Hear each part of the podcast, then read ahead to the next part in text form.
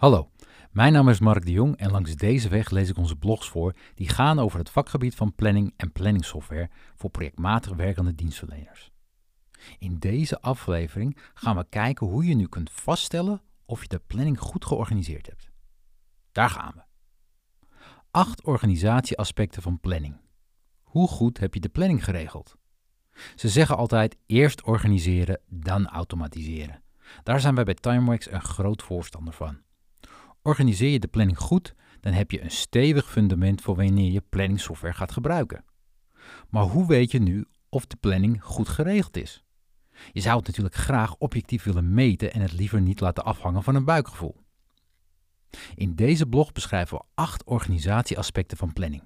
Met deze acht aspecten kan je gericht beoordelen hoe goed je bedrijf de planning georganiseerd heeft. We gaan in op methodologie, proces, feedback loop, competenties, detailniveau, verspilling, planningsvaardigheden en beveiliging. 1. Methodologie. Het aspect methodologie kijkt naar welke methode je gebruikt om projecten uit te voeren. Je kan zonder problemen meerdere projectmanagementmethoden binnen een organisatie hanteren, maar grofweg heb je twee uitersten: de watervalmethode en de agile aanpak. Bij de watervalmethode worden alle activiteiten van het project achter elkaar gepland. Hierdoor begint de ene activiteit pas wanneer de vorige activiteit klaar is. Deze methode past goed in omgevingen met weinig onzekerheid. Het is dan duidelijk wat er moet gebeuren en hoe je tot het gewenste eindresultaat komt. In zo'n omgeving kan je met specialisten werken die je gericht op specifieke activiteiten inzet. In dynamische omgevingen is dit anders. Hier weet je namelijk vooraf niet wat precies het eindresultaat zal zijn en hoe je daar moet komen. En precies daarom werkt de watervalmethode niet. Een agile aanpak, zoals Scrum, ligt dan meer voor de hand. In dit geval draai je de planning om. Je gaat uit van een vaste capaciteit, het Scrum-team, en je werkt in sprints naar concrete tussenresultaten. Voor de planning ligt het voor de hand om een team van generalisten in te zetten omdat er nog veel onzeker is, heb je in dit soort situaties meer aan een all-round team. Tot slot is het een best practice om de grote projecten van de kleine projecten slash opdrachten te scheiden. Deze laat je namelijk door aparte teams oppakken. Omdat het verwerken van kleinere opdrachten een hele andere dynamiek kent dan bij grotere projecten, vraagt dit om specifieke inzet van medewerkers. Zorg er dus voor dat je per project slash opdracht voor een geschikte aanpak kiest en daarbij de juiste medewerkers inzet. 2. Proces. Het aspect proces gaat in op hoe je het planningsproces in je bedrijf geregeld hebt. Aan de ene kant gaat het over hoe je projecten en medewerkers plant. Kleine projecten kan je namelijk heel anders uitvoeren dan grote en vraagt daarom om een ander proces. Daarnaast gaat het er ook over hoe je de stroom aan gegevens van en naar de planning geautomatiseerd hebt. Voor het plannen van de beschikbare capaciteit is het dus belangrijk om onderscheid te maken in grote en kleine projecten. Het is een best practice om de grote projecten eerst te plannen en de kleine projecten te gebruiken als flexibel vulwerk in de planning. We hebben hier al eerder een blog over geschreven. Op die manier krijg je de planning makkelijker passend. Het is daarnaast belangrijk dat je voor die kleine projecten geen harde afspraken maakt met de klant of in elk geval met een ruime marge werkt.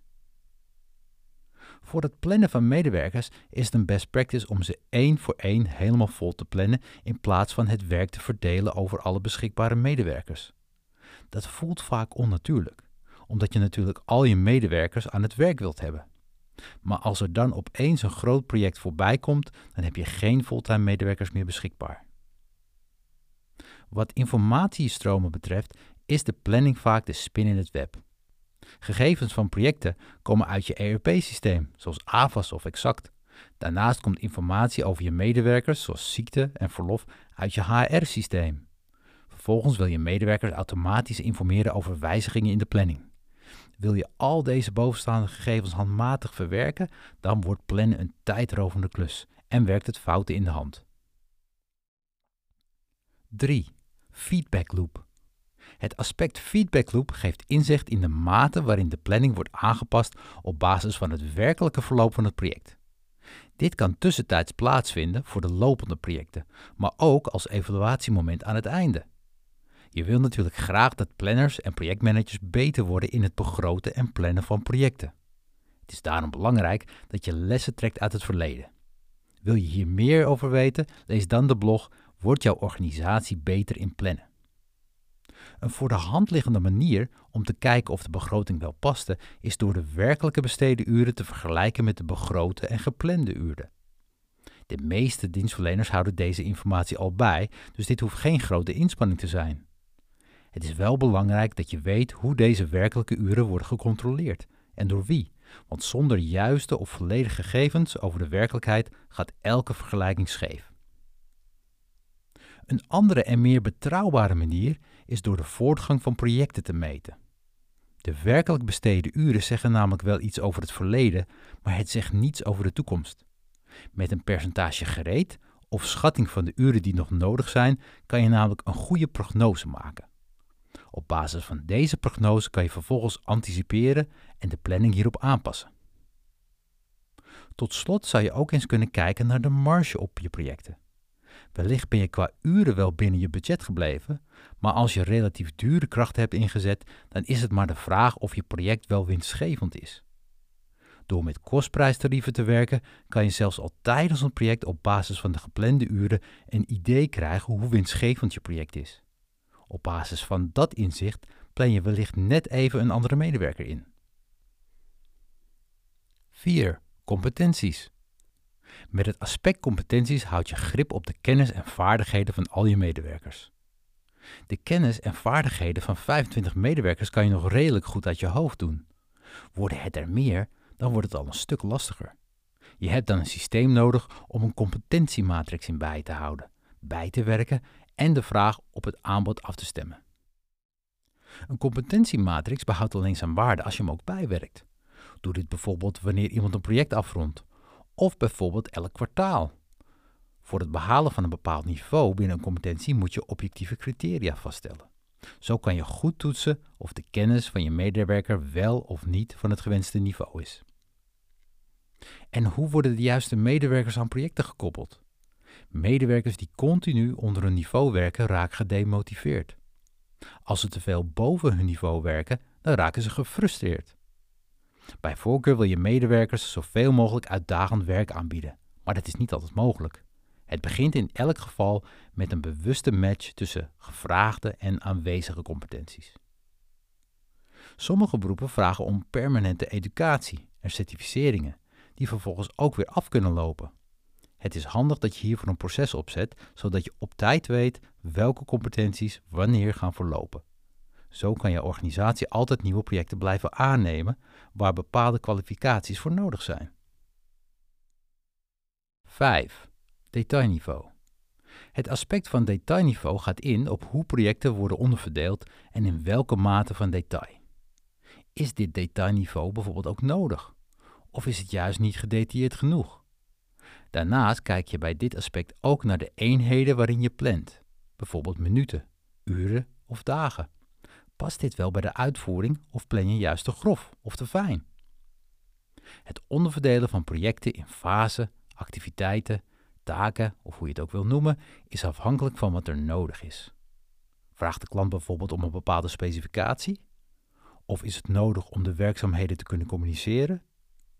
Er zijn grofweg drie manieren om te plannen, namelijk plannen op activiteit, resultaten of discipline. Per project kan je een andere aanpak overwegen.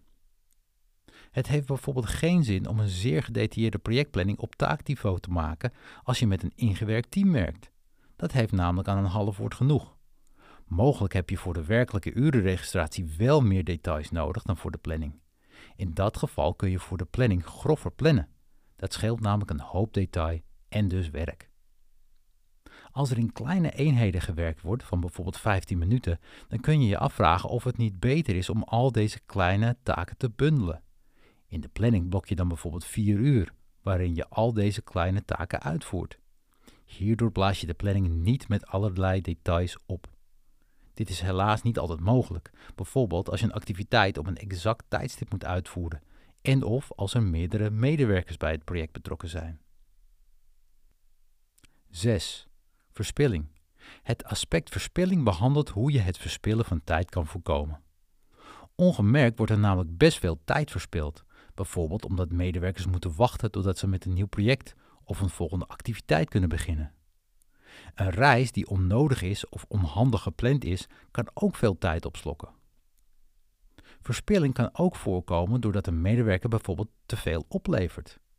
We zien vaak dat techneuten maar blijven poetsen aan het eindresultaat, terwijl er al lang is voldaan aan de eisen van de klant. In dat geval had je de betreffende medewerker al eerder op een andere activiteit of project kunnen inzetten. Je moet ook kritisch kijken naar alle handelingen die je voor een project uitvoert. Denk daarbij bijvoorbeeld aan bepaalde verslagen of standaarddocumenten die altijd worden opgesteld onder het mom van dat doen we nou eenmaal zo. Maar als niemand deze documenten ooit gebruikt, dan is ook deze tijdsbesteding een verspilling. Een bijzondere vorm van verspilling is het overbelasten van mensen. Dat kan op korte termijn leiden tot een hogere productiviteit, maar op de langere termijn leidt dit vaak tot uitval van medewerkers. Overbelasting hoeft niet voort te komen uit overwerk, maar het kan ook komen doordat medewerkers constant boven hun niveau werken. 7. Planningsvaardigheden. Het aspect van planningsvaardigheden gaat in op de mensen die de planning verzorgen. Zo liggen de accenten bij projectmanagers net even anders dan bij planners of resource managers. De vraag die je jezelf moet stellen is of deze medewerkers de juiste vaardigheden hebben voor hun functie. Een typische planner is goed georganiseerd en heeft aandacht voor detail. Hij of zij moet goed kunnen communiceren en onderhandelen, omdat een planner de spin in het web is. Stressbestendigheid is daarnaast een andere belangrijke eigenschap, want je kunt als planner de hele organisatie aan je bureau krijgen. Projectmanagers daarentegen zijn meer gericht op resultaat, want zij moeten projecten opleveren aan klanten. Dat is hun focus en daarom nemen ze het vaak minder nauw met de gemaakte planningsafspraken. Hierdoor kan er spanning ontstaan met de collega's die de planning organiseren, want zij vinden nauwkeurig en volgens de regels werken belangrijker. Voor medewerkers die hun eigen planning verzorgen, is het belangrijk dat ze niet gaan multitasken. Multitasken leidt namelijk tot de situatie dat medewerkers op meerdere projecten tegelijk voortgang proberen te boeken. Hierdoor lopen alle projecten vertraging op. Daarnaast hebben veel medewerkers ook de neiging om pas op het laatste moment ergens aan te beginnen. Dit heet het studentensyndroom. Heb je hier zicht op? 8. Beveiliging. Tot slot geeft het aspect beveiliging weer of er serieus wordt omgegaan met de beveiliging van de gegevens in de planning. Een planning bevat namelijk vertrouwelijke persoonsgegevens die niet zomaar op straat mogen komen te liggen. En ook de klant zal het niet waarderen als strategisch gevoelige projecten uitlekken, omdat het planningssysteem zo lekker als een mandje is. Het planningssysteem moet minimaal beveiligd zijn met een gebruikersnaam en wachtwoord, en bij voorkeur zelfs met single sign-on of two-factor authentication. Om de planning veilig te delen, moet je daarnaast altijd gebruik maken van een beveiligde verbinding. Het via de e-mail rondsturen van een spreadsheet met de volledige planning via de wifi van de McDonald's is dus ontoelaatbaar.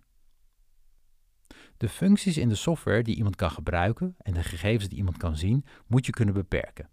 Iemand mag bijvoorbeeld de planning alleen maar bewerken als dat nodig is voor zijn of haar functie. Daarnaast is het handig dat een collega alleen gegevens ziet die noodzakelijk zijn om zijn of haar werk te kunnen doen. Werkt iemand nooit samen met die ene andere afdeling, dan hoeft hij of zij hun planning dus ook niet te zien. Zijn er projecten die zeer vertrouwelijk zijn en moet je toch de geplande informatie met collega's delen? Overweeg dan om te werken met pseudoniemen. Je geeft je projecten dan een andere naam die alleen betekenis heeft voor de groep medewerkers die aan het project werken. Zo verklein je de kans dat iemand vertrouwelijke informatie lekt. Scan je bedrijf. We hebben een planningscan ontwikkeld waarmee je je organisatie kan scoren op deze acht organisatieaspecten van planning. De enquête heeft ongeveer 60 multiple choice vragen. Met de antwoorden op de vragen kun je per aspect maximaal 100 punten scoren. De uitkomst komt in een radar chart, waarmee je direct ziet welke aspecten extra aandacht verdienen.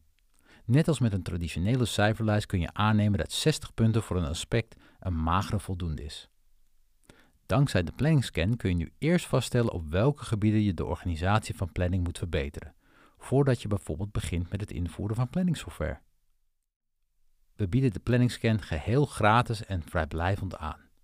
Na het invullen sturen we je ook een e-mail met de resultaten, zodat je deze eenvoudig nog een keer kan bekijken.